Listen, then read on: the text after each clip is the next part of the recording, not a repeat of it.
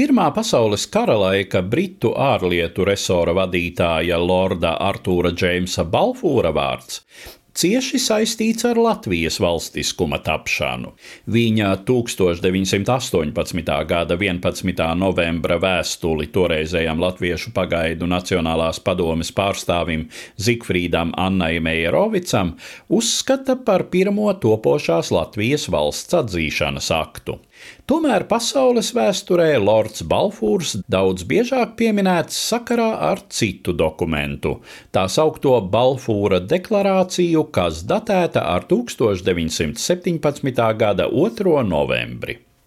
Arī šī deklarācija nomināli ir vēstule, adresēta baronam Volteram Rotšildam, prominentam Lielbritānijas ebreju kopienas pārstāvim un vienam no cionisma kustības atbalstītājiem.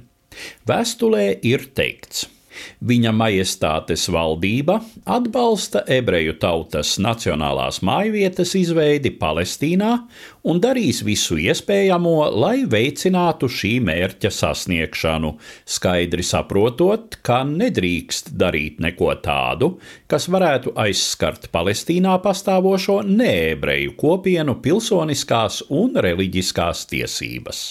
Balfūra deklarācija ir pirmais precedents vēsturē, kad kāda no lielvalstīm nepārprotami pauž savu atbalstu ebreju nācijas valstiskuma izveidēji vēsturiskajā ebreju dzimtenē Palestīnā. Kopš 16. gadsimta sākuma šīs teritorijas piederēja Osmaņu Turku impērijai, un vēl 19. gadsimta vidū ebreju iedzīvotāju tur bija labi ap pāris procenti. Tomēr, tuvojoties gadsimta beigām, situācija sāka mainīties. Parādījās cionisma idejas, doma par ebreju atgriešanos vēsturiskajā dzimtenē. Tai pašā laikā vērtās plašumā ebreju emigrācija no Austrumēropas, sevišķi no Krievijas impērijas, kur arvien jūtamāks kļuva antisemītisms. Jaunu dinamiku procesam piešķīra Pirmais pasaules karš. Osmaņu impērija šai karā bija Vācijas sabiedrotā, tātad Lielbritānijas pretiniece, un attiecīgi uzvaras gadījumā Briti varēja cerēt uz izrīkošanos ar turku īpašumiem. Pirmā pasaules kara noslēguma fāze iezīmēja jaunu posmu starptautisko attiecību vēsturē. No vienas puses šo attiecību praksē parādījās tautu pašnoteikšanās tiesību princips. No otras puses, karojošās lielvalstis plānoja savu ģeopolitisko interesu īstenošanu. Balfūra deklarācija ar tās visai aptuvenajiem formulējumiem ir tipisks šo ideālo principu un reālpolitikas sajaukuma rezultāts. 1917. gadā kara darbība bija nonākusi strupceļā, kad abas karojošās puses bija izsmēlušas savus resursus. Krievijā uzliesmoja revolūcija un radās draudi, ka šī Lielbritānijas un Francijas sabiedrotā pametīs karotāju rindas. Amerikas Savienotās valstis atbalstīja Lielbritāniju, taču vilcinājās iesaistīties karā.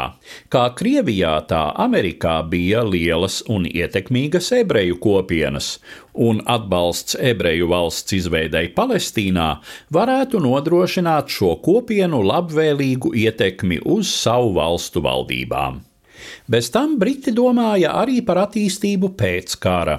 Viņi bija ieinteresēti paturēt savā kontrolē Palestīnu, kas no ziemeļiem nodrošināja pieeju svarīgajam Suecas kanāla ūdensceļam. Apņemšanās te veidot ebreju nacionālo mitekli, attiecīgi kārtojot ebreju kopienas attiecības ar joprojām vairākumā esošajiem arābu iedzīvotājiem, būtu attaisnojums šādai britu kontrolei.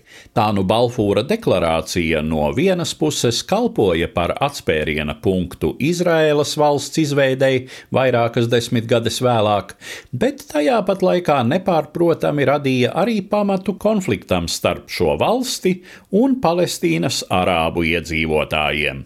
Konfliktam, kas, kā zināms, turpina gruzdēt joprojām. Stāstīja Eduards Liniņš.